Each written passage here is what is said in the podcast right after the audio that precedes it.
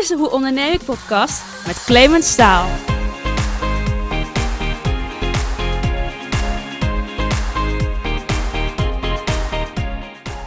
Welkom bij weer een nieuwe aflevering van de Hoe Onderneem ik podcast. Nummer 22 alweer. Volgens sommige onderzoeken is het onderwerp van vandaag doodsangst nummer 1, zelfs boven de dood zelf. Want heb jij wel eens een gesprek of geef jij wel eens een presentatie, dan ben ik ervan overtuigd dat deze podcast voor jou is. Mijn gast van vandaag heeft ongeveer 12 jaar bij de grootste uitzendorganisatie gewerkt toen ze uiteindelijk voor zichzelf koos in een vakgebied dat ze al goed kende van haar bekende moeder. En nu alleen niet direct voor de camera, maar wel in het vakgebied van presenteren. Presenteren is haar dus met de spreekwoordelijke paplepel ingegoten. En Frauke Kramer is al ruim 10 jaar trainer in het gebied van communicatie en crisismanagement, is voice-over en dagvoorzitter onder andere voor het Nederlands Debatinstituut. Je zult dus begrijpen dat ik vooraf enigszins zenuwachtig was over haar oordeel over mijn presentatiestijl. Nou, in deze podcast kom je er eindelijk achter of je nu wel of geen PowerPoint moet gebruiken, hoe je een goede presentatie opbouwt, wat nu eigenlijk een goede pitch is en hoe ga je nu toch om met die eeuwige zenuwen. Luister mee naar het gesprek met presentatietrainer Frauke Kramer. Hey Frauke, leuk uh, dat we hier mogen zijn met de Hoe Ondernemen podcast. Hartstikke tof. En wat ik me afvroeg uh, toen ik onderweg hier naartoe reed, waarom is het toch dat een hoop mensen zo'n enorme hekel hebben aan het presenteren? Ja, ja, dat is inderdaad een, uh, een hele herkenbare vraag. Het, het makkelijke antwoord is omdat presenteren onnatuurlijk is. Omdat presenteren gaat over het zenden één kant op. In tegenstelling tot in gesprek zijn met elkaar. Een dialoog voeren. Hè, waarin je met twee of meerdere mensen tegelijkertijd interacteert. En op die manier spreekt. En presenteren ja, betekent jij aan de ene kant en al die mensen, of virtueel, ja. als luisteraar, aan de andere kant. Maar is het dan jij tegen de rest? Is dat het gevoel, ja, zeg maar? Ja, het is vooral dat ik word bekeken, ik word beluisterd en ik word dus beoordeeld. Ja. En dat maakt mensen uh, huiverig, het maakt ze onzeker. Sommige mensen zetten het ook heel erg aan, hè, die er heel Mhm. goed in zijn. Maar de, jouw vraag is, hè, wat maakt nou dat zoveel mensen daar eh, Ja. weerstand in hebben Ja. of daar ongemakkelijk van worden? Dat is dat één richting verkeer. Maar heeft dat dan te maken dat wij toch wel groepsdieren zijn, zeg maar, en dat we graag onderdeel zijn van de groep en dus niet buiten de groep willen vallen en niet ja, afgevallen willen worden? Mm, nou, zover, zover durf ik het niet te beweren, maar wel dat we ehm, geen performers zijn in de basis. Mhm. Want presenteren is in zekere zin performen. Ja. Je staat op een spreekwoordelijk of echt podium Mhm. en dat ja, is... ondertussen komt er een helikopter over. We hebben vanwege de warmte het raam lekker openstaan. Maar goed, Ja, dat lijkt me maar goed ook. lijkt me maar goed ook. Dus dat, dat, dat podium pakken, Ja, wat je in feite doet als je presenteert, Mhm. dat is lang niet iedereen eh, gegeven om natuurlijk Nee. te doen. nee. Nee, dat kan me goed voorstellen. Je zegt, we zijn wat dat betreft geen, geen performer, zeg nee, maar. Nee, je kan je leren. Mhm. Ik bedoel, daar kom ik graag ook in Ja. ondersteunen om te leren om wat meer te performen. Maar het zenden van je boodschap zonder Ja. interactie, Mhm. noem ik eh, perform optreden, dat is niet de mens, Ja. eh, dat is niet iedereen gegeven. Eh, Zit ik even, misschien een zijstap hoor, maar al die mensen die acteur zijn, op podia staan, en voor de camera, filmen, et cetera. Ja. Is dat dan zo ver out of hun comfort? Mm, het is per definitie fijn als je het leuk vindt om in de belangstelling te staan. Als je het prettig vindt Mhm. om eh, in de spotlight te staan, Mhm. letterlijk of figuurlijk. Zoals natuurlijk geldt voor heel veel eh, performers in de zin van Ja, theater, muziekacteurs. Dat helpt, Ja. want dan durf je meer. Ja. Uit je comfortzone is het, als het gaat om presenteren, vooral het verschil, is het het presenteren over jezelf of is het Mhm. presenteren over iets of iemand anders. Daar zit natuurlijk ook nog een heel groot verschil in beleving van hoe leuk je het vindt. of niet? Maakt het veel makkelijker. Als ik moet vertellen waar jij goed in bent, Mhm. dan is dat, als de vraag is waar ben jij goed in, dan is dat voor mij veel makkelijker om Ja, eruit te laten ja. rollen dan dat jij zelf ten overstaan van een groep mensen vertelt waar je goed in bent. Ja. Over het algemeen, hè? Over het algemeen. En ehm, presenteren is wat dat betreft met de paplepel bij jou ingegoten. Ja. Eh, want jouw moeder is Judith Bos. Ja. Sommigen kennen haar, sommigen misschien niet. Zeker Ja. de oude generatie zal haar eh, Ja. al herkennen. Was het logisch dat jij dit, ja, deze kant op ging? Dat je dit ging doen? Nou, het was in die zin vanzelfsprekend dat ik ehm, me, me thuis voelde in diezelfde spotlights. Mhm. Omdat ik ben opgegroeid met heel veel aandacht rondom mijn moeder, die inderdaad in de jaren 70 en 80 een bekende Nederlander was. En daar hadden wij mee te dealen. Hè, dat was, een, was een, iets wat bij onze opvoeding, bij ons gezin hoorde. Voelde het als dealen? Of? Ja, het Ja? voelt wel als dealen, want er ging heel veel aandacht uit die je niet per se, eh, waar je niet per se om vraagt. Ook vaak negatieve aandacht, de roddelpers, de bladen, die er wel altijd achteraan liepen. Dus dat hoor je goed. Dat was wel dealen aanvankelijk daarmee. Ja. Want daardoor ging er ook veel aandacht weg van, hè, je zou kunnen zeggen, van, eh, van ons of van eh, de opvoeding. Ja. Mm, en pas later, in, eh, terugblikkend, Mhm. realiseer ik me, A, hoe goed ze dat heeft gecombineerd. Hè? Ja. Dus dat bekend zijn en daar altijd vriendelijk mee om blijven gaan met die Mhm. gewenste en ongewenste aandacht. Om om te gaan met die bekendheid en tegelijkertijd een hele aanwezige, eh, warme moeder te zijn met, met drie kinderen. Dus, maar jouw vraag is het dan vanzelfsprekend? Niet dat ik in het vak ben terechtgekomen, maar wel dat het me ligt. Ja. Ja, dus dat het me ligt om die aandacht te, eh, op te eisen. Mhm. Hè, Of het nou over mij gaat of over iemand anders. En dat het vooral ook allemaal niet zo spannend is als dat het lijkt. Hè, dat het, er bestaat toch ook heel veel beeld, eh, ja, onterechte vaak beeldvorming, dat het, dat het heel eh, spectaculair is. En dat, dat, dat je echt bijzonder bent op het moment dat je die aandacht krijgt, laten we zeggen, voor, in de media. Maar het is ook gewoon werk. Ja. Dus het gewone eraan en het niet zo onder de indruk zijn van, eh, van lichten en camera's. Dat heeft me wel heel erg geholpen om het A zelf te doen. En Mhm. B ook om het aan anderen eh, over te brengen Ja. in mijn trainingen. Oké, je zei het even waarom het zo spannend wordt gevonden door heel veel mensen. Eh, er zijn onderzoeken waarin blijkt, of waaruit blijkt, dat Mhm. het presenteren soms Ja. ja. als angstiger wordt ervaren dan Ja. de, de kans dat je doodgaat. Ja, Ja. Dus wat dat betreft is het een heel raar fenomeen, dat, dat Ja. presenteren en jezelf op een podium zetten. ja. En je hebt eh, psychologie gedaan, eh, las ik. Althans, op je LinkedIn-profiel stond dat. klopt. Ehm, heb je daar veel profijt van op dit moment? Mm, ja.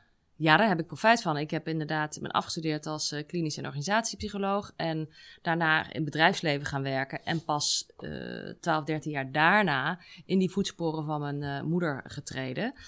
Ehm, en het mooie is dat ik de, de waarde van die studie, of de kennis die ik daar heb opgedaan, wel heel mooi kan gebruiken in het ehm, trainen en coachen van sprekers of mensen die spreker willen worden. Omdat het zo ontzettend persoonlijk is. Ja. Het is zo persoonlijk hoe jij je comfortabel voelt. Daar is niet een regel voor, daar is niet één goede manier voor. Mhm. Het gaat om dat jij je comfortabel voelt. Hè, en dat jij je in je kracht voelt staan, zoals het mooi heet. En als je die vindt, dan gaat het als het ware vanzelf. Dus mijn studie komt me eh, verdomd goed van pas, zonder dat ik de psycholoog uithang. Hey, wat was de reden dat je ooit voor die studie hebt gekozen? Aanvankelijk wilde ik arts worden. Of ik dacht dat ik dat wilde worden. Ja. Maar mijn alfa-talenten waren dusdanig veel groter dan mijn beta. Dat ik ondanks een, een eh, extra jaar eh, op het VWO toch eh, moest inzien dat die weg niet de mijne was. Ja, die exacte ja, vakken. ja. Dus toen was psychologie het dichtst Mhm. bij wat Ja. dan gezondheidszorg zou kunnen Ja. zijn. Dus vandaar dat ik psychologie ben. Het was een beetje tweede keus. Tweede En keus. vervolgens kwam je bij Randstad terecht, las ik. Ja, Een behoorlijk aantal jaren gezeten. Ja, twaalf jaar gezeten. Geweldige werkgever. Omdat ik daar, en iedereen denk ik, omdat ik daar heb leren werken.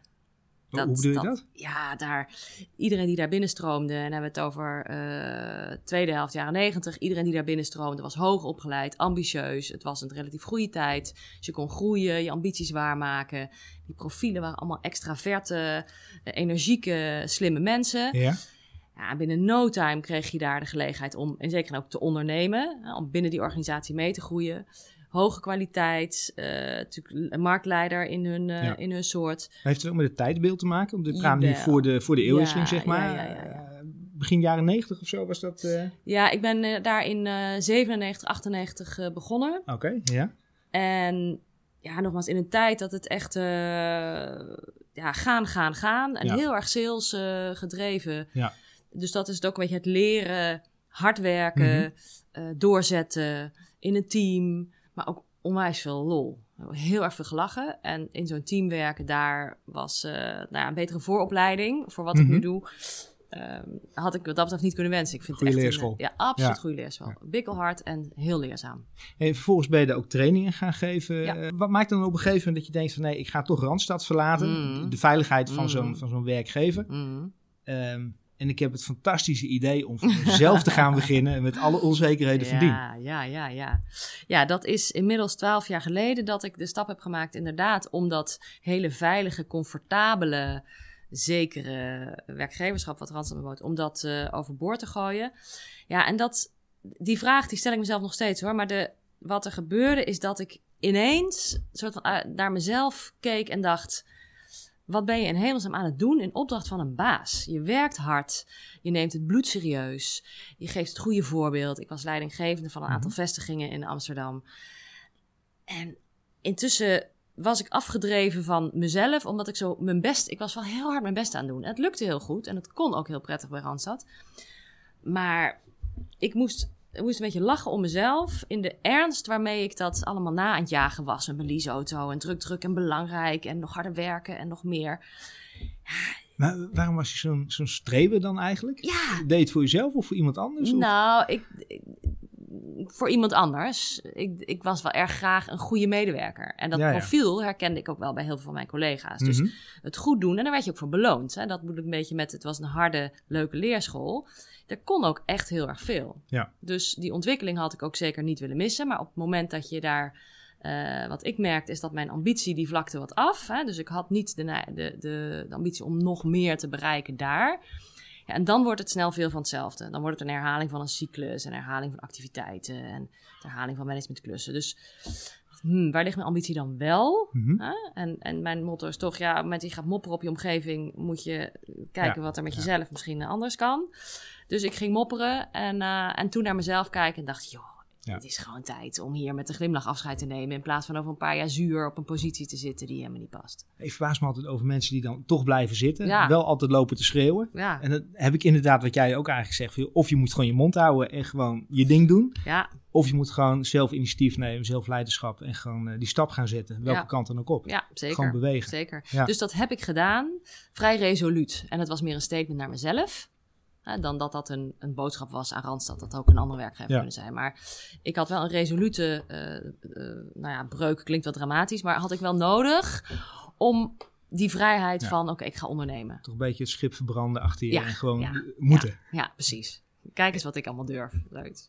Oké, maar vervolgens dan, dan neem je ontslag. Ja, En dan? Want eh, zit, zit iedereen dan op vrouwke te wachten? Of hoe- ging dat dan? Ja, hoe ging dat? Hoe gaat dat? Dat is nog steeds als ondernemer vind ik dat een van de Hoe grootste dan? uitdagingen. Ja, hoe kom ik aan mijn klanten? Ja, de, dan maak ik even een stapje inderdaad naar wat recente geschiedenis. Mhm. Mm, ik zie mezelf als een, eh, echt als een vakvrouw. Dus ik heb een, een ambacht, zou je kunnen zeggen. En die ambacht, die staat behoorlijk op zichzelf. Dus ik, eh, eh, iemand legde mij laatst een heel mooi kwadrant uit over hoe verdien je je geld. Ik zou niet weten wie het was. nou, dat kwadrant, dat, is, dat, dat heeft mij eh, mooi inzicht gegeven over de vraag die jij mij nu stelt. Van hoe kom ik aan mijn klanten? Ja, eh, mijn klanten, daarvan wil ik echt dat ze mij vinden. Dus het ondernemerschap, en het is natuurlijk een semantische discussie van wat is ondernemerschap. Eh, maar ik heb, een, ik, ben een, ik heb een ambacht. En die ambacht, die, eh, die wil ik eigenlijk ergens inklikken. Hè? van waaruit het verkocht wordt. Dus bijvoorbeeld als onderdeel van een opleidingsprogramma of van een leiderschapstraject of van een hè, bureau wat in, in, in, in programma's Mhm. ook het presentatiestuk meeneemt. Omdat op basis van wat ik, mijn kwaliteit die ik lever en de, en de testimonials die ik door de jaren heen heb verzameld en datgene wat ik direct terugkrijg ook van mijn, van mijn deelnemers en cursisten. Ja, daar blijkt zo uit dat het ehm, een gewaardeerde ambacht is. Ja. Hè? Maar het verkopen daarvan, Mhm. het zelf verkopen Mhm. daarvan, vind ik echt tot op dag van vandaag, en ik vrees tot de lengte van dagen, echt een absolute gruwel. Ja, verkoop is ook een ambacht volgens mij. Een andere ambacht. Is een andere ambacht. Ja, Ja, ja. ja. Maar je zegt een, Ja. gruwel. Eh, Ja. Linksom of rechtsom zal de brood op de plank moeten Zeker, komen. zeker. Eh, ondanks het feit dat je partner ook werkt. ja Ehm, zeker. maar hoe dan? Hoe komen Op ze wel bij jou, aanbeveling. klanten? Op aanbeveling. Ik heb ehm 80% van mijn opdrachten komt echt via, via, via. Ja. Ik bedoel, ik, ik, ben een presentatietrainer, communicatietrainer. Nou, er zijn er nog vele honderden van die Mhm. ook allemaal hun eigen signatuur Zeker, hebben. ja. Dus je kiest ook echt voor mij als persoon hè, en Mhm. voor mijn aanpak en mijn methodiek die ik eh, in samenwerking met mijn moeder overigens heb ontwikkeld en doorontwikkeld. Dus het persoonlijke maakt dat je echt Mhm. mij koopt. Ja. Ehm, Maar je zegt met jouw methodiek. Wat, wat is dan die methodiek? Wat maakt het anders dan al die andere mensen in het land? nou, die methodiek, dat is, die gaat vooral uit van wat jij wel al kunt. Dus in mijn, mijn vertrekpunt, Mhm. bij iedereen die ik voor mijn camera krijg, iedereen Ja. die ik in mijn trainingen krijg, Ja. begint bij wat kun je al? Oké. Wat, wat is er stevig aan Mhm. jouw manier van presenteren, aan jouw manier van spreken, aan jouw manier van debatteren, aan het voeren van een gesprek?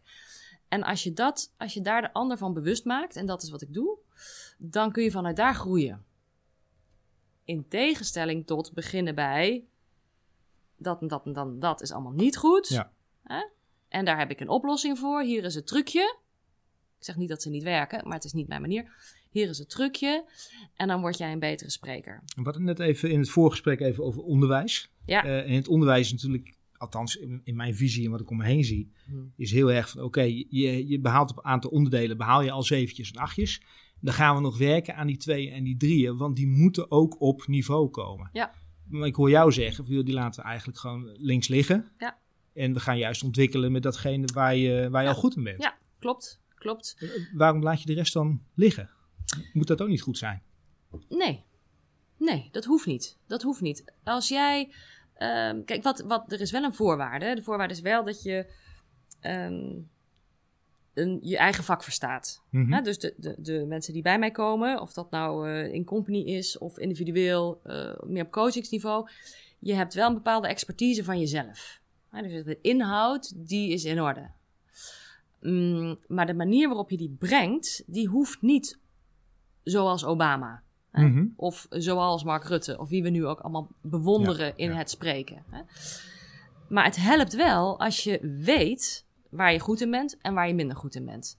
Als jij zegt, ik ben echt heel slecht in het gebruik van mijn stem. Ik wil Mhm. wat doen daaraan. Mhm. Dan ben ik de eerste die zegt, prima, je bent ontevreden, je geeft jezelf een 2 op stemgebruik. Dan gaan we daar graag mee aan de slag. Ja. Maar mijn uitgangspunt is niet om te bepalen dat jij je stem slecht gebruikt en dat we dus daar wat aan gaan doen. Mijn uitgangspunt is, je hebt een waanzinnig goed verhaal. We gaan dat verhaal Mhm. vooral gebruiken om hè, vanuit daar nog Ja. beter te worden. Hoe doe je dat met in-company trainingen dan bijvoorbeeld? Want er wordt vanuit hogerhand wordt dan iets neergelegd. Ja, leuke de, vraag. de groep Leuk, moet dit gaan ja, doen. Ja, En vervolgens sta je voor die groep. En Ja. Ga je dan iedereen datzelfde kunstje leren? Of ga je Ja. individueel? Of hoe- Ja. hoe doe je dat dan? Ja, dat is een hele leuke vraag, want dat is natuurlijk, dat schuurt. Hè? Ik, ik wil mensen die intrinsiek gemotiveerd zijn en die op een zeker niveau, tussen aanhalingstekens, hun vak verstaan. Dus professionals. Professionals die zelf willen.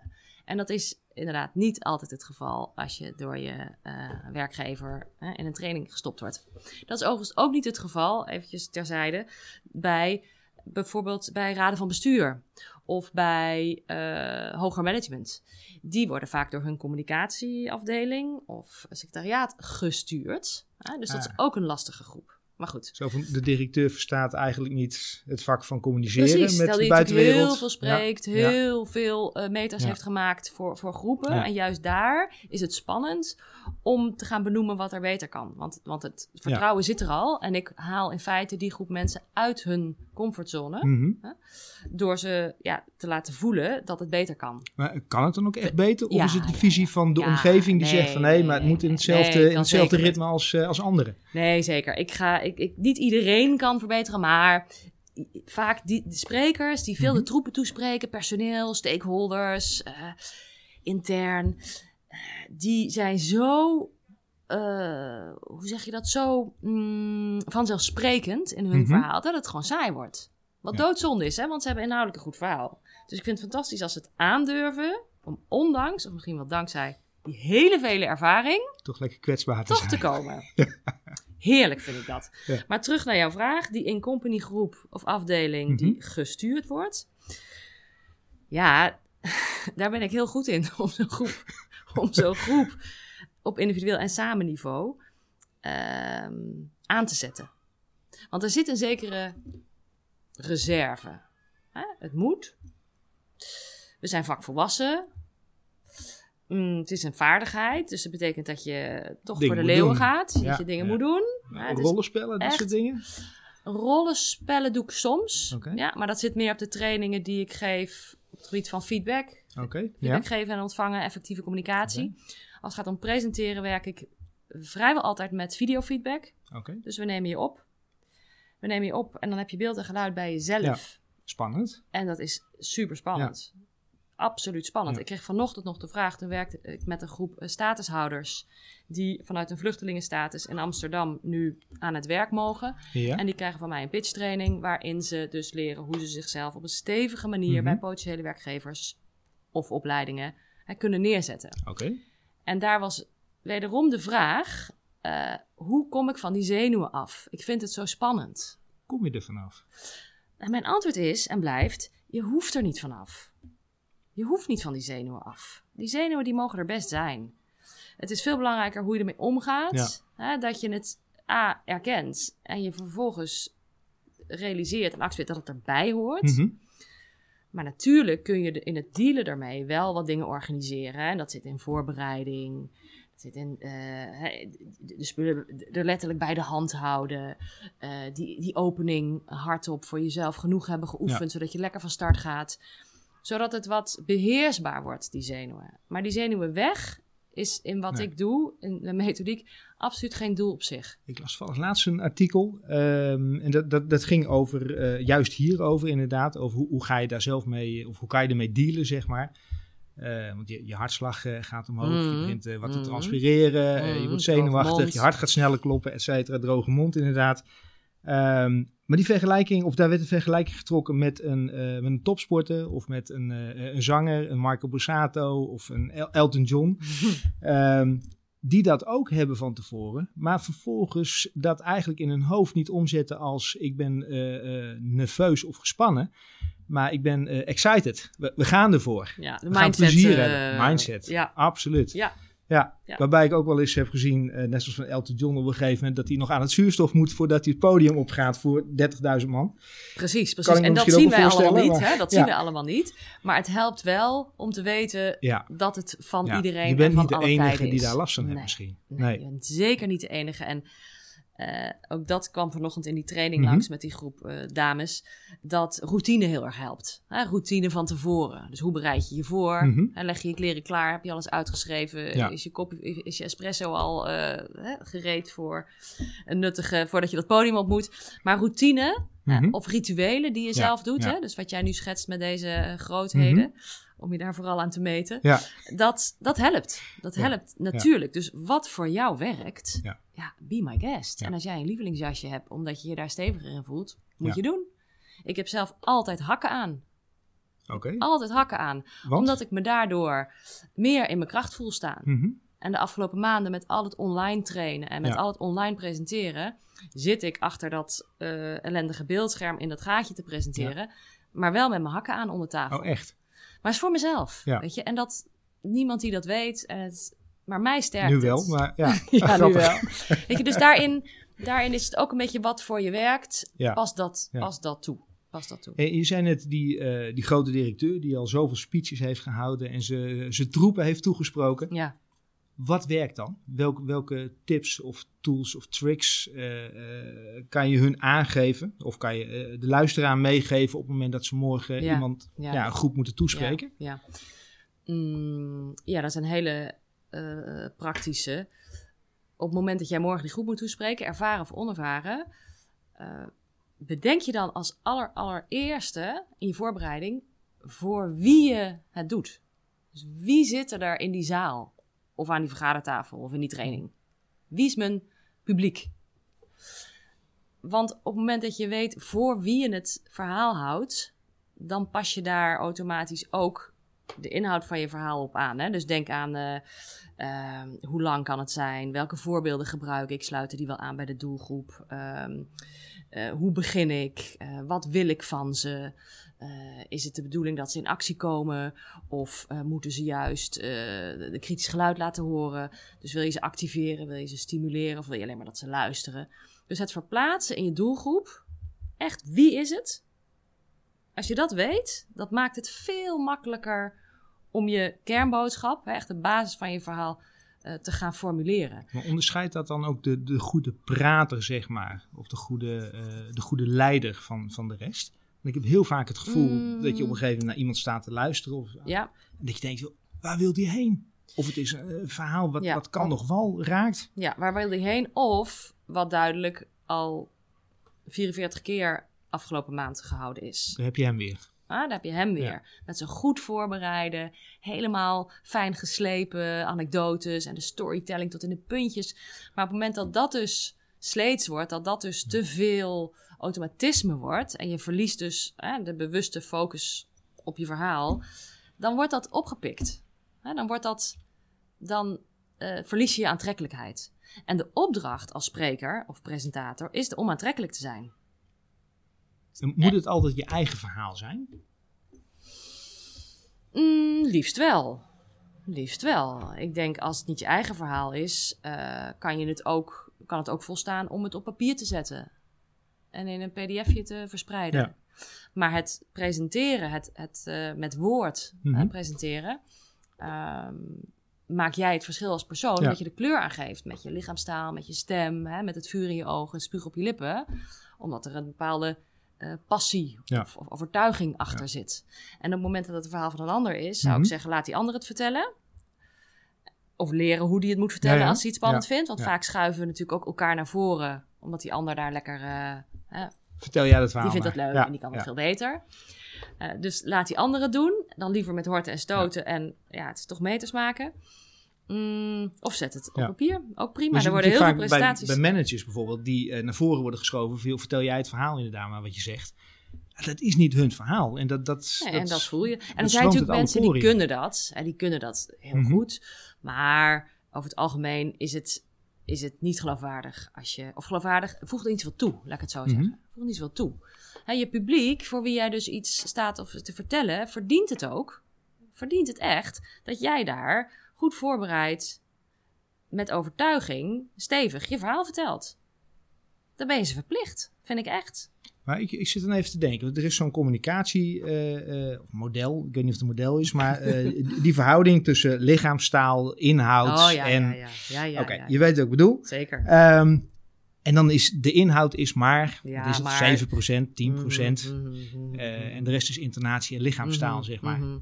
Ja, Hoe, hoe zit het daar dan Ja. mee? dit vind ik heel oninteressant. Ik bedoel, die percentages vind ik oninteressant. Mhm. Waar het om gaat is dat je je bewust bent van het feit dat je met alleen een goed verhaal er niet bent. Een goed verhaal komt pas aan als je het ook brengt met de lichaamstaal de intonatiestem die dat, die dat ondersteunen. Maar het begint natuurlijk wel met de inhoud. Hoe klein die misschien ook is en het onthouden worden, procentueel, het begint wel bij een verhaal. Er zijn maar weinig mensen die een indrukwekkende presentatie kunnen geven zonder dat het ergens over gaat. Er zijn er maar heel weinig. Ja, hele goede advocaten kunnen dat. Sommige politici kunnen het trouwens ook. Brigitte Kaandorp had zo'n eh, theatershow waarin ze op het podium en eh, Ja. wat was het, een telefoonboek ging voorlezen. Precies, precies. Nou, Ja, dat is dat een was goed best voorbeeld. onderhoudend. Dat is een goed voorbeeld. Het is echt theater in zijn Ja. zuiverste vorm. Ja, absoluut. En, maar wij als gewone stervelingen hebben toch een onderwerp, hebben toch een, een context, een, een, een, een kernboodschap die je Ja. vast kan pakken nodig. Om die vervolgens met die andere 93% of 80%, het is veel, absoluut. Om, hem, om hem ook te laten. Ja. overkomen. Nou, nou, storytelling is eh, afgelopen jaren enorm ja, populair in opkomst. Misschien is het altijd al wel zeer belangrijk geweest. Hoe, hoe kijk je daarnaar? Eh, wat, wat kan je daarmee, of wat kan een luisteraar ermee op het moment dat hij morgen of volgende week een, Ja. eh, ja, iets van een pitch moet geven of een presentatie moet geven? Ja, ja. ja, we hebben het nu gehad over hè, verplaatsen in je publiek in de voorbereiding. Mhm. En jouw vraag is nu, hè, wat kan je met storytelling? Nou, heel veel kan je met storytelling. Het is natuurlijk uitgegroeid tot een hele, een hele eh, ja, methodiek om, om toe te passen. En het is, is ook heel waardevol. Mm, als je dat wat kleiner maakt, hè, voor jezelf morgen, als je voor je collega's dat idee mag uitleggen, dan is storytelling niet meer dan het uitleggen of het vertellen van het idee aan de hand van een voorbeeld. Een klein voorbeeld. Dus als jij. Um, neem de reclame doet dat heel goed. De reclame als, als branche. Die doen niks anders dan verhalen vertellen. Die, die zeggen niet. Wij zijn het beste reisbureau naar uh, 44 bestemmingen in 18 landen. Met alleen maar vier sterren ver, ja, lekker boring. Ja. Nee, die zeggen.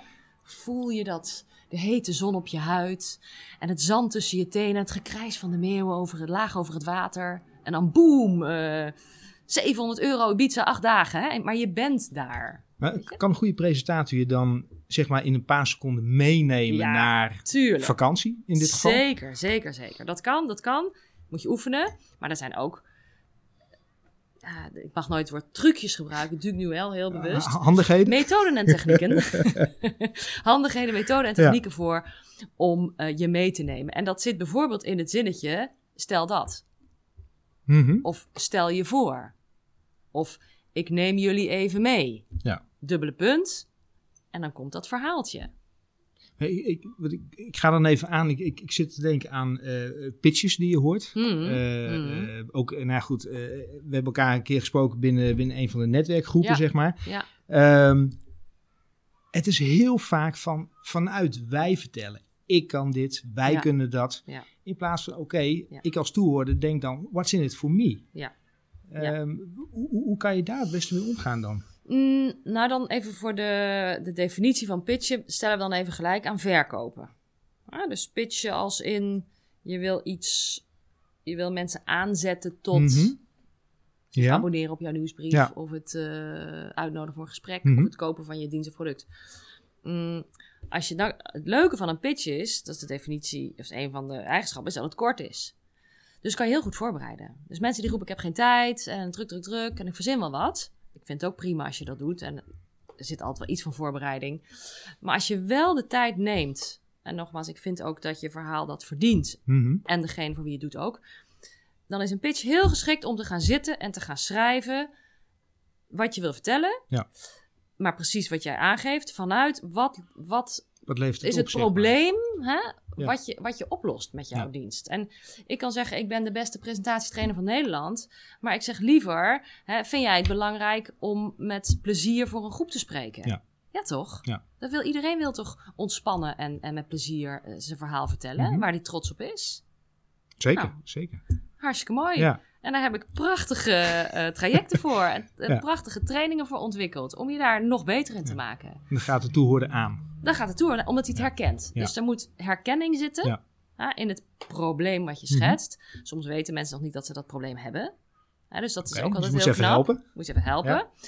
Ehm, en dan ben jij die oplossing voor Ja. dat probleem. En dat is wat je in een pitch doet. Hè, die Eh, je, je zegt net voorbereiden. Ik, ik ben toch wel verbaasd over. eh, eh, of ik heb regelmatig meegemaakt dat ondernemers dan zeggen: Ja, maar ik, ik ben niet voorbereid. Ja, En dan denk ik van ja, maar hoe, hoe kan je nou niet voorbereid zijn? Ja, maar het was onverwacht. ja, Ja, maar je weet toch dat je een keer een pitch over je Ja. bedrijf of over je dienst Ja. gaat geven. Dus hoezo ben je niet voorbereid? Nou, weet je, Clemens, ik geloof daar ook echt helemaal geen zak van.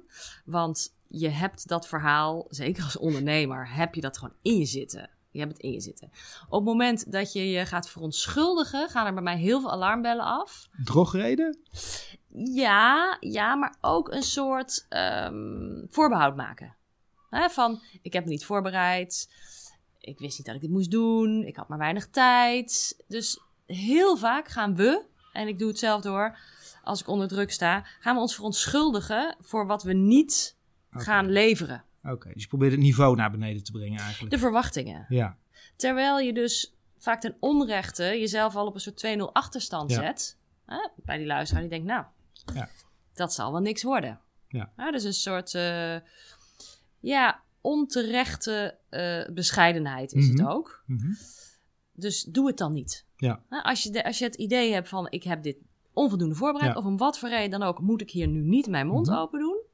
doe het niet. Maar is het ook een beetje dat eh, wanneer bij iemand op visite komt en iemand zegt: Oh, let niet op de rommel, dat je dan juist op die rommel gaat letten? Ja, precies, precies. Dan, ga je dus, dan kom je dus op die achterstand te staan. Hè? Dat is inderdaad wat ik bedoel met zo'n 200 achterstand. Je, je vestigt de aandacht ergens op, wat helemaal niet ter zake doet. Sterker nog, wat jou slechter erop doet Mhm. staan.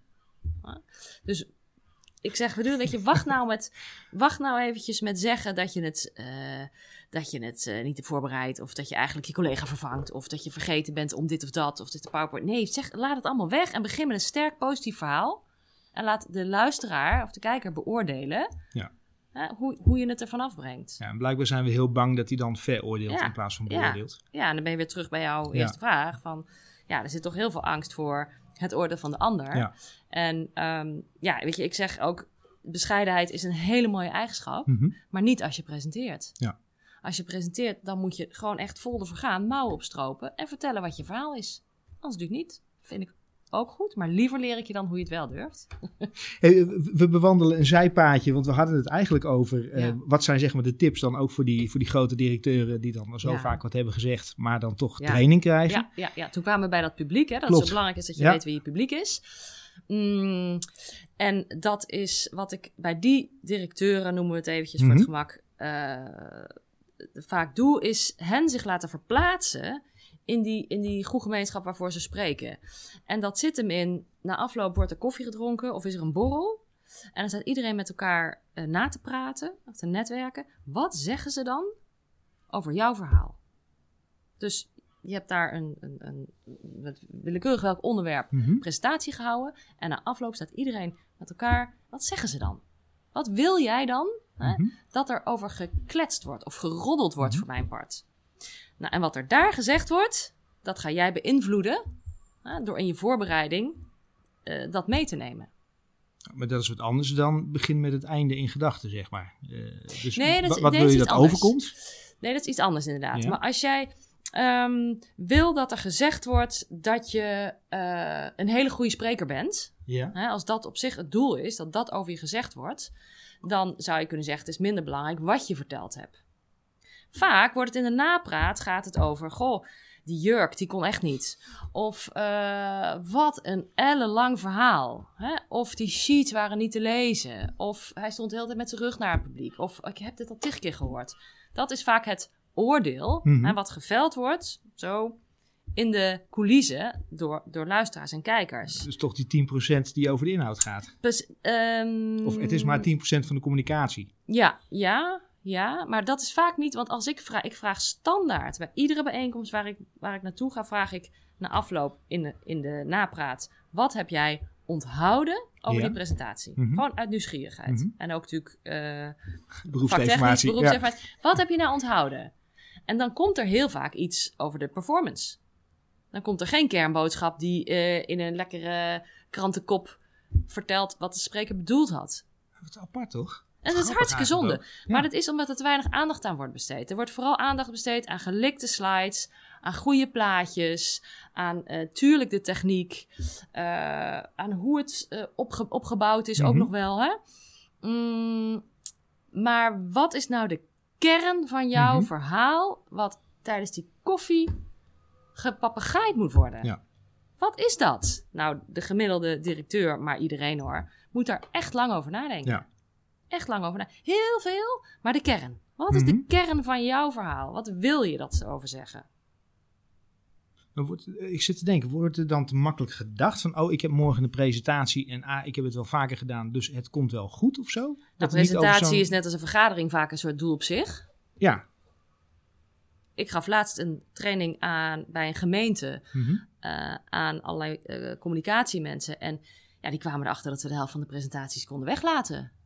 Mooi. Omdat ze Mooi inzicht. Ja, dat er heel veel gepresenteerd werd daar in de raad. Wekelijks of twee wekelijks. Natuurlijk allemaal heel protocolair in veel gemeentes. En daar worden dan onderzoeken gedaan, er komen cijfers uit. En die cijfers werden dan wekelijks gepresenteerd in de raad. Maar de meerwaarde van daar een presentatie bij geven was minimaal. Want zij waren A, niet eh, de eigenaar van de content. Hè? En er was ook weinig performance aan te geven. Dus dat zijn ze per PDF gaan sturen. En zijn er vragen, dan horen we het wel. Ja. Dus antwoord op jouw vraag. Ehm, het is soms hè, een doel op zich geworden, omdat we dit nou eenmaal doen. Ja. Dus, dus ja, er valt ook heel veel te winnen door je überhaupt af te vragen: voor wie doe ik het, waarom doe ik het en wat is mijn boodschap? Ja. Die drie vragen: hè, voor wie, waarom en wat is mijn boodschap? Vanuit daar kan je wel of niet ook daadwerkelijk je presentatie gaan geven. En vervolgens eh, sta ik op het podium en dan is het toch wel heel erg veilig om gewoon lekker die vette PowerPoint achter me te hebben. Ja. Is dat nog een beetje anno Ja, 2020? ja, kan dat? ja. Al heet het misschien nu Prezi in plaats van Ja, PowerPoint. dat is, het is toch vooral wel PowerPoint wat, eh, wat daarin domineert. Mm, heel vaak komen mensen bij me en zeggen: Oké, mijn PowerPoint is af. Ik ben klaar. Lekker veilig. Ik, ik kan los. Ik ben er klaar voor. Ik heb mijn, eh, mijn hemd gestreken. PowerPoint helemaal gelikt. Nog eventjes eh, naar laten kijken de corporate communicatie. Kom maar op. Ja, ik roep natuurlijk dat het omgekeerde waar is. Je bent pas klaar als jij je verhaal af hebt. En die PowerPoint is ondersteunend aan jou en niet andersom. We beginnen veel te vaak bij die PowerPoint.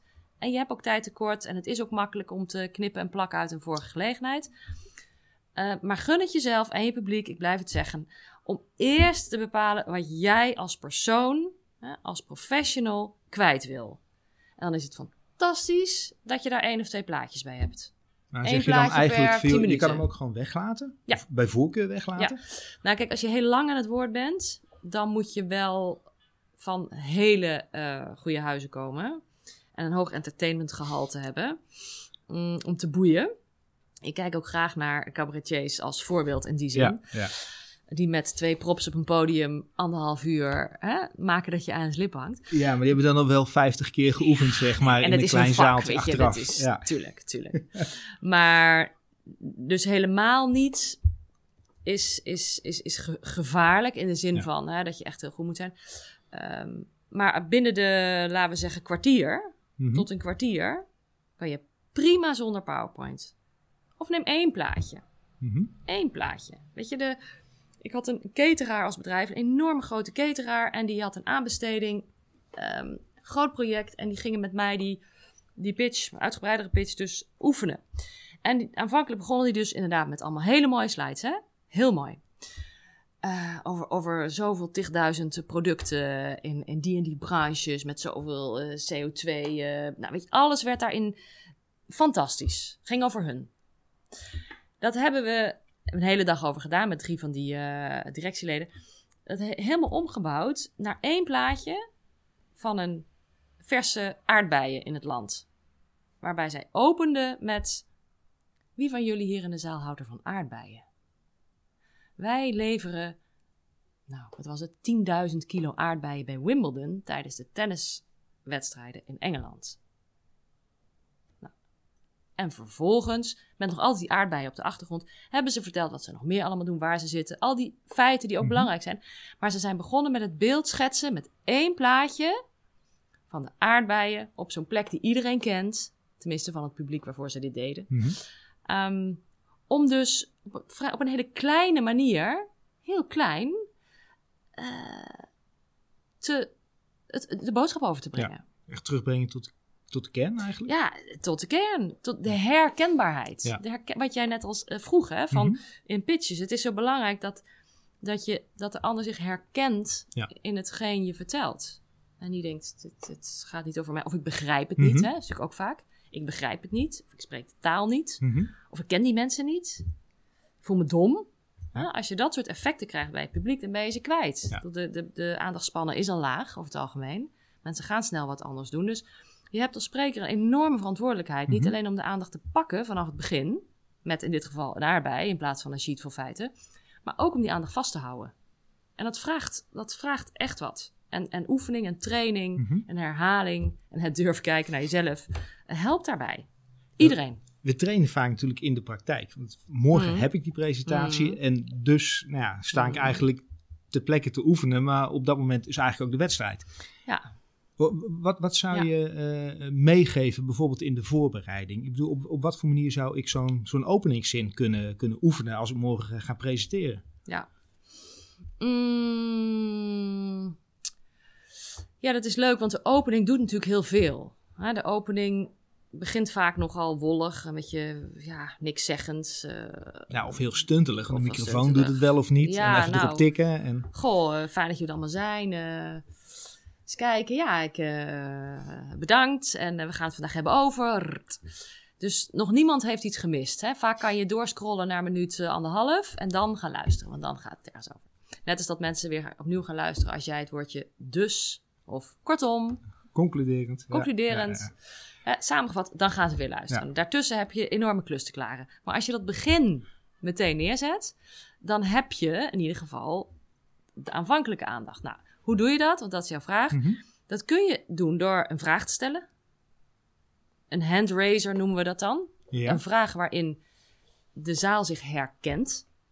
Zo'n vraag als wie heeft of wist u Zo'n dat? vraag als, nou, wie houdt er van aardbeien? Wat Ja, die cateraar ja. deed. Eh, laatst zat ik in eh, een, een Utrecht met allemaal mensen uit het land. Dit was in de RAI en daar waren eh, zelfstandigen uit het hele land. Dus ik kon met een gerust hart vragen, wie, is, wie reist er wel eens met het openbaar vervoer? Nou, die vraag heb ik ook wel eens gesteld in een context waar helemaal geen openbaar vervoer was. Dus dat, nou goed, dan... eh, Dat was onbewust blijkbaar. point taken. Maar ook, ook dan gaat het er meer om hoe je daarmee dealt, dan dat het natuurlijk heel erg is. Ja. Maar een vraag stellen waarvan je weet dat de merendeel denkt: hey, dit gaat over mij, is een hele makkelijke manier om meteen de connectie en de verbinding te hebben met Ja. die zaal. En dan zelf uiteraard, eh, ik steek nu even mijn hand op, je hand op te steken, omdat het ook over jouzelf gaat. Ja, en omdat je mensen ook in beweging krijgt, denk Ja, ik dan, of niet? Ja, maar het moet niet iets zijn, bedoel ik, wat niet voor jou geldt. Ja, oké. Ja. Ja. Nou, dus als je zegt, eh, wie houdt van aardbeien? Eh, ik niet. Of uitschat ik niet, maar jullie misschien wel. Dan nodigt dat niet uit. Nou, dus je wil je publiek eh, meekrijgen met Meenemen, jouw ja. handelen. En Mhm. iets waarvan ze denken, ja, dit gaat over mij. Dus een vraag in de vorm van een handraiser is een hele prima opening. Ja. Een andere is een stelling. Is ook een fijne opening. Dus dat je echt iets neerzet waardoor mensen denken, huh? Iets controversieels liefst. Heb je daar een voorbeeld van? Ja, ik zal een voorbeeld geven. Die, ehm, ik heb drie kinderen waarvan er twee op de middelbare school zitten in Amsterdam. En als die de transitie maken van basisschool naar middelbaar onderwijs, dan moeten ze nou, wel 30 scholen bezoeken om een keuze te maken. Dus al die scholen hebben in de maanden januari, februari de rode loper uit liggen. Ja. Alles ziet er gepoetst en keurig dagen. uit. Open dagen. Nou, tijdens die open dagen hebben al die scholen hun beste sprekers en hun beste docenten en, en leerlingen als voorbeeld op dat podium om die honderden ouders, want die kinderen zitten in de gymzaal, die luisteren helemaal niet, maar om die honderden ouders van groep 8 leerlingen toe te spreken. Altijd hetzelfde verhaal. Altijd is er veiligheid en is het belangrijk dat iedereen zichzelf kan zijn. En het is ook allemaal waar. Hè? Ik oordeel niet over de inhoud van het verhaal, maar het is allemaal Ja. hetzelfde. Totdat ik op een school kwam. Ehm, dit is al een tijdje terug, maar hij is me ontzettend bijgebleven. Op een school kwam waarbij tot mijn verrassing, zo'nzelfde opgepoetste omgeving, de, nou, een schoolleider was het denk ik, eh, op het podium stond, de microfoon nam en heel rustig die zaal inkeek en zei: Dortmund is de hoofdstad van Luxemburg. Al die ouders lieten hun mobiele telefoon vallen en, en dachten: wat, wat zei hij? Wat zei hij? Dortmund, en herhaalde het: Dortmund is de hoofdstad van Luxemburg. Bleef toen even stil, want dat is heel belangrijk na zo'n stelling waar iedereen Mhm. van op zijn grondvesten schudt. Wij leren de kinderen op deze school om zelf na te denken over de kennis die ze voorgeschoteld krijgen. De zogenaamde kennis. Om zelf informatie kritisch te bekijken. Om zelf hè, die waarheid te vinden. In plaats van alles maar klakkeloos aan te nemen. Mooi. Mijn zoon is er niet naartoe gegaan naar die school. Maar ik vond het wel een heel mooi voorbeeld ja. van durf eens. Hè, Ja. Het is iets heel eenvoudig dichtbij anders. Ja. En iets wat dus een soort van ge- opgetrokken wenkbrauw eh, oproept bij de zaal. Eh, Wat ik me dan afvraag, ehm, eh, als je dit voorbeeld noemt, is dit dan zo origineel of is de rest zo bagger slecht? Haha. Kijk, het is niet origineel als, ik, eh, als dit overal zo zou gaan. Dan Ja. is, het heeft ook een tijdelijke houdbaarheid Ja. natuurlijk. En dat gaat ook als dezelfde persoon dezelfde voorbeeld iedere keer weergeeft in storytelling. Hè? Dus dat moet ook verversen. Dus het is wel continu, dus het houdt mij altijd van de straat. Ja. Er moet altijd wel weer ontwikkeld blijven. Ehm, maar jouw vraag was, is de andere dan zo slecht? Nee, want je kunt ook een fantastische opening maken door vanuit je hart te zeggen: welkom. Fantastisch dat jullie er allemaal vandaag zijn. Maar dan hoor ik je eigenlijk zeggen, zolang het oprecht is, zolang het dus oprecht is en zolang je dus echt weet ook wat je aan het zeggen bent, dat is wellicht zelfs oprecht, Mhm. en het dus gegeloofd wordt Ja. en relevant is ook. Want vaak komt er allerlei brei uit onze mond Mhm, en denken mhm. we pratend en praten we denkend en knopen we het aan elkaar, want oh jee, stel je voor dat er een stilte valt. Dus er is een heleboel woorden, vaak wolligheid, Mhm. die niets te maken hebben met de kern die jij wil overbrengen. Dus less is more. Mhm. Geldt zeker ook voor spreken en presenteren. Ehm, dus ja, die oprechtheid Mhm. is het belangrijkste. Je hoeft niet knetter origineel te zijn in je opening. Maar als je jezelf een beetje wil naar het next level en wat, wat leuk vindt om wat te proberen, dan, dan nodig ik je van harte uit om het wel te doen. Het maakt die anderen niet slecht, maar het maakt wel dat jij je durft te laten zien. En dan wordt je ontzettend veel gegund. Al Je, doe je, je noemde eerder al even eh, Rutte en Obama. Ja, Ehm, ik weet niet of dat ook daadwerkelijk voorbeelden voor jou zijn. Maar... ja het, het zijn voor de hand liggende voorbeelden vanuit mijn optiek, maar het zijn zeker voorbeelden. Wat maakt dat Zeker. hun dan goed zijn? Tja, wat maakt dat zij echt goed zijn? Nou, die oprechtheid die jij noemde, die zie ik bij een Mark Rutte. Die denk ik te zien. Hè? Zo komt het over. Want als ontvanger heb je gelijk. Ja. Hè? Dus wat hij ook bedoelt, als ontvanger Ja, of het is een fantastische toneelspeler, dat kan. exact, exact, dat kan. Maar de indruk die hij bij mij wekt, Mhm. is dat het oprecht is. Hè? En het is doorgeoefend. En hij is getraind en gecoacht. En dat maakt mij allemaal geen bal uit. Op het moment dat hij daar staat, is hij er. Is hij er echt. En heeft hij op de inhoud natuurlijk een gescripte, zeer gescripte te- tekst tot en met de ademhalingsmomenten toe. Maar dat geeft niet, want hij moet het ook nog toepassen. Hij moet ook nog toepassen. En dan in combinatie met zijn eh, stem, die hij heel mooi, als je daarop gaat inzoomen, eh, de nadrukken die hij legt, zonder, eh, zonder het een, een, er vanaf te laten druipen. Dus dat is vrij klein. Eh, dat, dat vind ik echt kunst. Dat vind ik echt kunst, hoe hij dat doet. En in een, in, op onderwerpen die, die natuurlijk zo, als je het hebt over publiek, het is zo'n groot publiek wat hij te bedienen heeft, wat hij wil bereiken. Daarvan zou je ook kunnen zeggen, ja, dat kan niet. Je kunt niet, je kunt niet 17 miljoen Nederlanders Ja. op dezelfde manier deze boodschap laten ontvangen. En ik vind dat hij dat absoluut Mhm. eh, ik ben één Nederlander van die, maar waarvan beroepsmatig zie ik dat hij dat met name door zijn stemgebruik Mhm. en ook wel natuurlijk door zijn, door zijn houding, nou, dat hij dat heel sterk eh, benadert. Mhm. En een Obama, ja, dat is, ik bedoel, er zijn hele, hele bedrijven die zich richten op het eh, analyseren van de speech van Obama. Dat zit ook in de retoriek en in de, in, in de hele manier van met taal spelen. En dat is, dat is, eh, heeft helemaal niets meer te maken met, met, met of je nou wel of niet een democraat bent. Ja. Eh, die man is een fantastische spreker. Fantastische spreker. En er zijn ook ehm, natuurlijk veel minder zichtbare mensen die hele goede sprekers zijn. Maar dit zijn natuurlijk twee voorbeelden die de meeste mensen wel, wel zullen kennen. Ehm, mooie stemmen, prettige uitstraling en een waanzinnige voorbereiding. Met een fantastisch team van mensen wat dat natuurlijk eh, mogelijk maakt. Bedoel, Nou, nou heb ik een, misschien een hele slechte stem. Ik, m- mijn geheugen laat me soms in de steek. En eh, kan ik dit leren? Kan ik leren praten als, als Rutte of een Obama? Ik zal Trump niet noemen. Mhm. Die ook een zeer, zeer interessant spreker is om te analyseren Interessant, op techniek, zeker, hoor. ja. Absoluut, absoluut. Kan ik dat leren? Nou, je kunt vooral leren om eh, als jezelf heel goed te spreken. Nee, niet heel goed, om als, als jezelf een goede spreker te zijn. En eh, waarbij ik niet vergelijk, en daarom zei ik dat eerder, hè, dat afbreken, dat afvakkelen is de kunst niet. Maar ik zal jou dus nooit langs de lat leggen van wie dan ook. Ja. Ehm, sterker nog, als jij zegt, ik wil graag spreken als... Nou ja, dan laten we dan eens eerst beginnen met waar je zelf als spreker Ja, staat. authentiek zijn. Ja. Dus ja, met een slechte stem, zei je.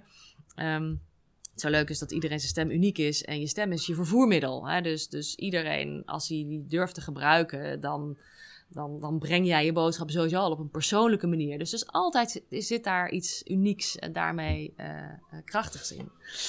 Dus ja hoor, dat kan. Er is niemand is daarin eh, hopeloos verloren. En natuurlijk is het de een is het voor de een makkelijker dan voor de ander. Hè, je ziet bijvoorbeeld vrouwen in de politiek, die hebben het lastiger omdat autoriteit gekoppeld wordt aan een lagere stem. Dus mannen hebben het over het algemeen worden eerder geloofd. Hè, Mhm. zijn, zijn sneller van nou, een, een zekere vertrouwen boezemt een lage stem in. Dus vrouwen worden getraind om hun stem lager in te zetten. In de politiek is daar een voorbeeld van. Dus als je daarop gaat letten, is dat ook heel leuk om te zien hoe, hoe, hoe die zich langzaamaan in dat lagere regionen van hun stemgebruik gaan ontwikkelen. Dus dat kun je allemaal leren. kun je allemaal leren. En het is ook leuk om daarmee eh, te spelen. Je moet wel durven. Je moet wel zeggen, ik wil het. Ja, oké. Dus ge- geen moeten, maar toch Nee, enige vorm moeten. van intrinsieke motivatie. Ja, enige wel. En die wil ik ook nog wel bij je opzoeken, die motivatie. Maar je mag ook schoorvoetend binnenkomen. Hè, Ik krijg bijvoorbeeld ook veel ehm, auteurs Ja? die, die een boek hebben geschreven waar ze natuurlijk heel erg trots op zijn. Want het Ja. is echt een product. Daar hebben ze vaak nou ja, jaren aan gewerkt. Heel onzichtbaar. En Mhm. dan ineens is daar dat product. Vind ik altijd een mooi voorbeeld. Want ze hebben iets wat, het is hun kind. Het is de geboorte van het boek. Ja? Maar ja, een schrijver is natuurlijk heel iets anders dan een spreker. Die Absoluut. schrijft niet voor niks een boek. Absoluut. En de uitgevers zijn dan mijn opdrachtgevers. En die willen natuurlijk dat het boek verkoopt. Dus dat betekent dat jij als auteur van dat boek... hè, de winkeltjes en de braderieën en de, en de Koningsdagen... en weet ik dat overal... Klinkt heel je inspirerend. verhaal moet houden. Dit, precies, dat vind je helemaal niet leuk. Je, Ja, je, ja, gewoon, ja. je bent blij met je boek. Ja. Maar om nou in zaaltjes te gaan vertellen over dat boek... is echt wel wat anders. Sterker nog, we willen dat de media jouw boek oppikt. Want we willen eh, dat het in de libellen staat. introverte persoon dan extrovert gaan worden? Nee Of- hoor, helemaal niet. Nee hoor, hoeft helemaal niet. Maar we gaan jouw introverte kant gebruiken, in positieve zin, benutten, hè, Mhm. uit de verf laten komen, om je boek te verkopen. En ja, dat betekent een beetje fake it till you make it. En dat mag je daarna ook weer vergeten als je het echt, echt een, een, heel tegennatuurlijk is. Maar je kan dat absoluut leren. Je helpt ze de winter door. Ik help ze de winter door. Ik, ik help ze aan een boekverkoop. En ik probeer het een beetje leuk te maken. Weet je? Ja. Want Super. als, het, als je er geen lol in hebt, Ja. dan eh, ga ik ik ga niet roepen: het is leuk, je moet het leuk vinden. Maar ik krijg het altijd voor Ja. elkaar, zonder uitzondering, altijd voor elkaar. Om het iedereen wat leuker te laten vinden om dat podium te durven pakken dan, dan toen ze binnenkwamen. We hadden net even over eh, eh, Rutte en eh, Obama. Wie is voor jou op, op ondernemerschapsgebied of eh, op Hmm. leiderschapsgebied een, een voorbeeld? Hmm, hmm. Op ondernemerschap. Goh. Ja, zijn we daar terug, hè? Want ik ben een ondernemer. Dat. mm, Nou ja, am- ambachtsvrouw, eh, zei je zelf. Precies, ambachtsvrouw. Ja. Nou, wat, wat meteen in mij opkomt is ehm, de vrouw achter La Dress. Dat is een, ja, jij kijkt heel Ja, ik wazig zit te nu naar mij, maar het zijn ook jurkjes voor dames, geeft Ah, niks. Oké, heel goed. Maar het publiek wat ik met, deze, met dit interview hoop te bereiken, Ja, ik het, oké, eh, heel goed. Simone heet zij, Simone van La Dress. En zij is een vrouwelijke ondernemer die echt begonnen is, nou klein, zoals heel veel ondernemers, Mhm. vanuit de overtuiging, in dit geval een jurkje wat vrouwen in hun werkzame leven vaak nodig hebben voor diverse Mhm. gelegenheden. En zij is uitgegroeid door, tot, tot ja, internationaal echt wel een icoon, echt iemand die als voorbeeld wordt gebruikt in het ondernemen. Ehm, maar die ook heeft moeten leren hoe je daarmee omgaat. En dat je dus ook dat licht opzoekt. En dat Mhm. je dus ook geïnterviewd wordt. En dat Ja. je dus ook eh, de roddelpers over je heen krijgt. En dat je dus ook moet verantwoorden waarom je als prachtige, succesvolle, blonde vrouw uit Amsterdam-Zuid knetterhard gewerkt hebt. Die keuzes hebt gemaakt. Dus dat ondernemerschap, ehm, dat, dat, dat, dat je toch ook... Zij had het gevoel dat ze dat moest verantwoorden vaak. Ja, ja. En dat heeft zij waanzinnig goed eh, geleerd door het te doen en heel veel te durven. Ehm, en zij is nu dus ook op een niveau dat ze dat helemaal zelfstandig, echt als een, als een label. Dus zij is daar zelf wat, wat uit teruggestapt volgens mij, want ik heb haar de laatste jaren niet meer gevolgd. Maar in het ondernemen en jezelf dus van die, want een hele introverte dame, om dus uit die coulissen te komen, Mhm. zoals ik het maar noem, en dat podium op te zoeken. Ja, dat moet als Ja. je als ondernemer wil, eh, zegt de ambachtsvrouw, hè, maar Ja, ja. als je als ondernemer wil, wil, wil groeien, zichtbaar wil worden, succes wil boeken, ja, dan moet je toch echt, dan moet je echt die stip pakken. Nee, ik ben het met je eens. Op het moment dat je een fantastische vakman of vakvrouw bent, maar je blijft tussen die vier muren, Ja, ja, dan eh, wordt het best een, eh, best een lastig bestaan. en zij is daar voor mij absoluut een, een, een, een voorbeeld in. Ja. Zowel als ondernemer ehm, als als spreker. Ja. Want ze is, is heel dicht bij zichzelf gebleven. Over schreeuwen gelooft Mhm. ook niemand. Ja. Dan word je ook ongeloofwaardig. Eh, Ik zag op LinkedIn dat jij eh, eh, verschillende bedrijven en organisaties volgt, maar eigenlijk maar één dame of persoon, Brene Brown. Klopt dat? Ja, dat klopt, ja. Want ben jij goed geïnformeerd? Ja, zeker, zeker. Ja, het is openbaar, dus je kan kijken. Ja, ja, ja, ja. Um, maar waarom volg je haar? Heeft dat, heeft dat raakvlak ook met je, met je vakgebied? Nou, ik, ik noemde het net al even, hè, dat... Um, um, nee, dat is niet waar, dat is iemand anders, sorry. Ja, Brene Brown is iemand die ik bewonder. Mm -hmm. Sommigen zullen denken, veel, wie is Brene Brown? Ja, wie is Brene Brown? God, laat die zich eens even typeren. Uh, ik zou niet eens weten wat er af. Volgens mij is zij uh, van uh, opgeleid, of als, als vak, is zij volgens mij psycholoog-therapeut. en zij heeft een heleboel business cases gemaakt van het succesvol coachen, begeleiden van met name individuen volgens mij en heel veel ondernemers. Mm -hmm. um, en zij haar kracht, en daarom bewonder ik haar, is dat zij altijd bij zichzelf begint als ze uh, iets wil overbrengen. Dus zij heeft het over haar eigen kwetsbaarheid om over de bühne te krijgen waarom het zo belangrijk is om je kwetsbaar op te stellen. Ja. Ze heeft het over haar eigen uh, struggles met het zijn van moeder, als ze daarin een of andere waarheid verkondigt. Dus zij begint altijd bij zichzelf. Mm -hmm. Eigenlijk verhalen, die storytelling weer. Ja. En daarnaast beschikt zij over humor. Ja, en ik. Uh, dat, humor is echt zo'n aspect wat ik van denk, ja, dat zou ik echt wel willen hebben. van haar. Of, maar humor, als je dat kunt inzetten. En ik vind mezelf dat ik dat niet, ik zal me daar absoluut niet op laten voorstaan. Maar het is wel een heel krachtig instrument. Als je met humor, uh, zeker serieuze onderwerpen. Ja, maar je moet het wel uh, ownen. Ja, kijk, jij vraagt, Niet kan je het zeg maar. leren? Ja. Ja. precies. Kan je dingen leren? Ik roep dat je presenteren kun je leren, al heb je nog zo'n uh, beroerde body language, onverstaanbare stem of, of vaag verhaal. Dat kun je allemaal leren.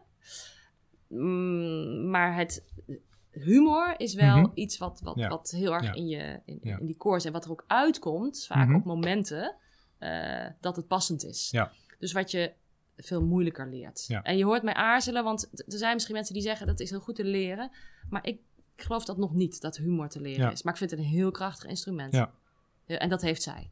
Naast en vakmanschap. kwetsbaarheid. Ja. Ja. ja. Ja. Kwetsbaar opstellen. Durven opstellen. Ja. Mooi. Ja, zeker. Ja. Hey, Ja. Welke, welke eh, drie tips, los van al die tips die hier al Mhm. in deze podcast zitten, welke drie tips zou jij ondernemers willen meegeven waar ze morgen of volgende week wat aan, eh, aan hebben? Ja. Misschien op jouw, echt op je vakgebied, misschien Ja. vanuit je eigen ondernemersreis. Ja, ja, ja. Ja. mm.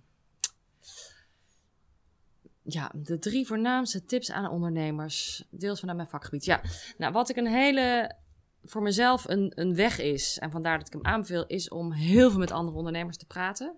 Om dus niet, wat je eigenlijk ook al zegt, hè, binnen die vier, vier muren je ding te doen. Maar vooral je verhaal te durven delen. Ehm, en te durven dromen daarmee. Maar vooral het delen van, van waar je mee bezig bent. Wat, Mhm. je, wat je ambities zijn. Waar je naar op weg bent. Maar ook je onzekerheden. Mhm. Ik ben nu twaalf jaar bezig en de meeste waarde haal ik uit anderen. Hè, nou ga ik heel erg aan van interactie met anderen, veel meer dan het lezen over.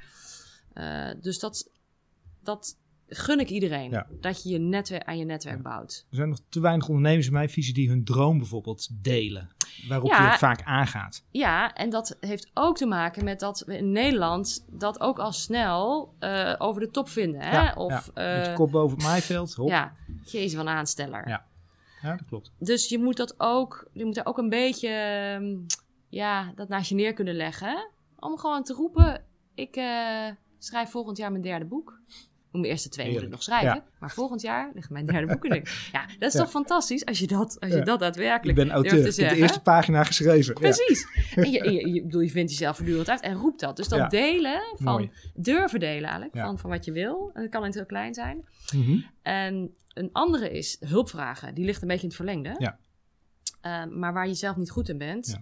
Ja. Iedereen die onderneemt in ieder geval, herken ik als dat het heerlijk vinden om aangesproken te worden op help mij met Ja. hè, het, eh, het, of het nou eh, social media is of eh, hoe zie ik eruit. Maar, Mhm. maar help, dus hulp vragen. Dus Ja. heeft ook toch weer met durven te maken. Veel ondernemers het toch liever zelf doen. Ik kan het beter. Ja, god, is, ik ben ook advocaat vragen. van de duivel. Ik bedoel, ik zit hier ook en ik eh, vraag echt niet om alles hulp. Ja. Maar ik realiseer me wel dat als ik het doe, en dan is best wel een hobbel, Mhm. dat het altijd ontvangen wordt. Ja.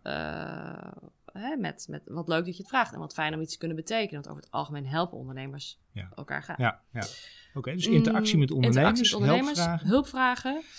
Ehm, ja, en het derde, en dan kijk ik heel eventjes achter jou, want daar hangt mijn bord met allerlei aantekeningen, is ehm, wees trots.